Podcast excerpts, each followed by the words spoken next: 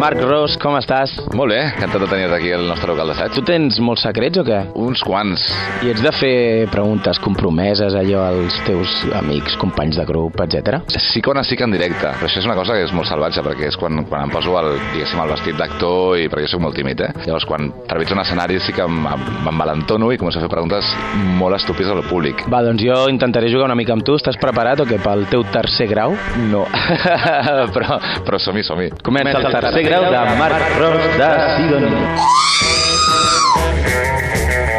Què passa, fill de puta? Tens amb una crítica que ens han fet fa relativament poc? Comencem bé. a vegades el, el, el, el frontman, que a mi m'ha tocat aquest paper en el grup, és arrengar una mica el públic. I llavors el de fill de puta o hijo de puta o motherfucker és una cosa com molt simpàtica, molt, molt de ei, tots, vinga, anem-hi, anem a cantar, anem a ballar. Doncs n'hi va haver-hi un a Cádiz que s'ho va prendre molt malament. I eh, a més estava molt ben acompanyat perquè se per un amic seu i la seva nòvia es van sentir indignats quan jo vaig dir aquest simpàtic insult dirigit al, al públic, però ja repeteixo de manera molt carinyosa. Sidoni sou tan simpàtics com sembla? Som simpaticíssims.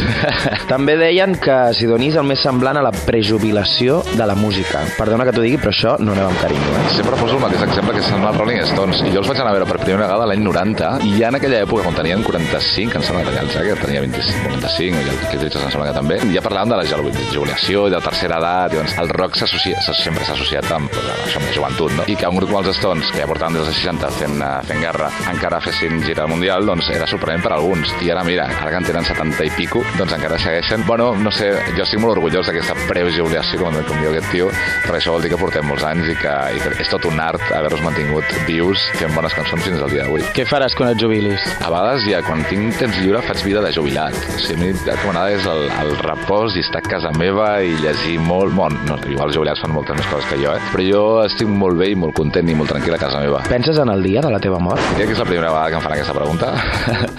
I, eh, no, penso, penso en la mort dels altres, no en la meva i, i a través dels altres intento entendre la meva i sobretot dels altres que han estat músics i que m'han precedit i sobretot el, el, el, el club, de, el club del, dels 27 Kurt Cobain, la, la Amy Winehouse, el Brian Jones, el Jimi Hendrix, el Janis Joplin, tots aquests Vols que t'enterrin? Mm, no, de fet, de fet, mira puc, si puc fer una crida, si em quedo sol quan el dia que, el, dia, el dia que em mori a mi m'agradaria que incineressin i ja sé que és il·legal, però m'agradaria que tiressin les meves cendres a una... Quals, bueno, de fet, a qualsevol caleta de Port Lligat. Quina és la pitjor cançó que heu fet?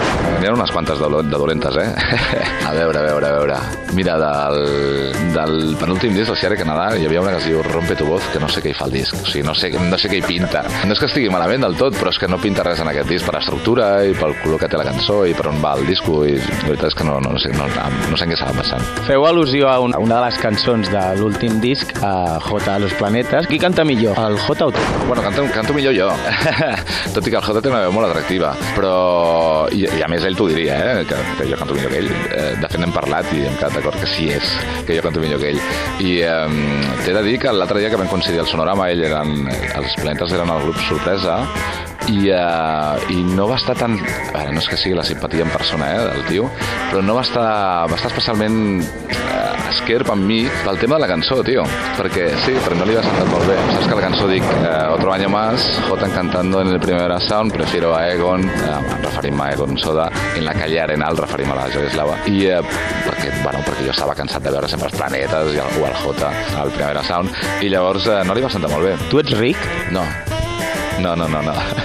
Quanta pasta et gastes al mes? A veure, sí que em puc permetre certs capricis, però però una vegada vam, vam estar parlant amb el Víctor Manuel, Víctor Manuel, cantautor de Asturià, i eh, em va dir que, que nosaltres érem una, una generació amb, amb molta mala sort, perquè si haguéssim fet la música que estem fent a l'època en què ells la feien, doncs ara segurament estaríem parlant d'un altre tipus de, de nivell econòmic. Nosaltres som, bueno, som gent normal, que té, bueno, doncs, a vegades va més apurat, a vegades no, i, i és, és, és fotut, eh? perquè nosaltres ens, ens encantaria ser rics. Quin és el lloc on més pasta t'has gastat en un dinar o en un sopar? Doncs mira, un lloc que està a Barcelona, a la Diagonal, prop del Princesa Sofia, un lloc que, que em sembla que és un xef francès que es diu Neitzel, i allà estàvem celebrant l'aniversari de la meva germana i ens vam passar, o sigui, ens vam, ens vam passar, a més demanant, bueno, doncs, vins no, no, no, no barats precisament, i entre les copes i el menú degustació i tots els capricis, doncs, se'ns va anar a la olla. Però bueno, un dia és un dia. Com que parlaves de la Costa Brava, et dono escollir dues opcions. Una setmana de vacances pagades a la Costa Brava amb la Pilar Rahola o una rave amb el Rajoy. A vegades amb la Rahola, perquè més jo sé que ella és cada casenca i eh, no, no la conec personalment, però vaja, quan he vist per televisió sembla bona nana. No podria dir el mateix del Rajoy, però també ja et dic, depèn de, la, de les drogues que ens prenguéssim, perquè veure el Rajoy, de, no sé, de ketamina, doncs podria ser bastant al·lucinant. A lo millor canviaríem bastantes coses en aquest país. Què t'anava a dir? Que sí, no t'agradaria veure el desfassat, no? Una estoneta, encara que fos una horeta, ja, aviam què feia. Sí, m'agradaria veure el desfassat, però no a mi, o sigui, no, no, no, que ell no disfrutés la meva companyia ni jo de la seva. Escolta, Marc Ros, eh, ja està. Ah, ja està. Ha sigut xungo de vegades, eh? Però, però m'ha agradat molt. Moltes gràcies. A tu.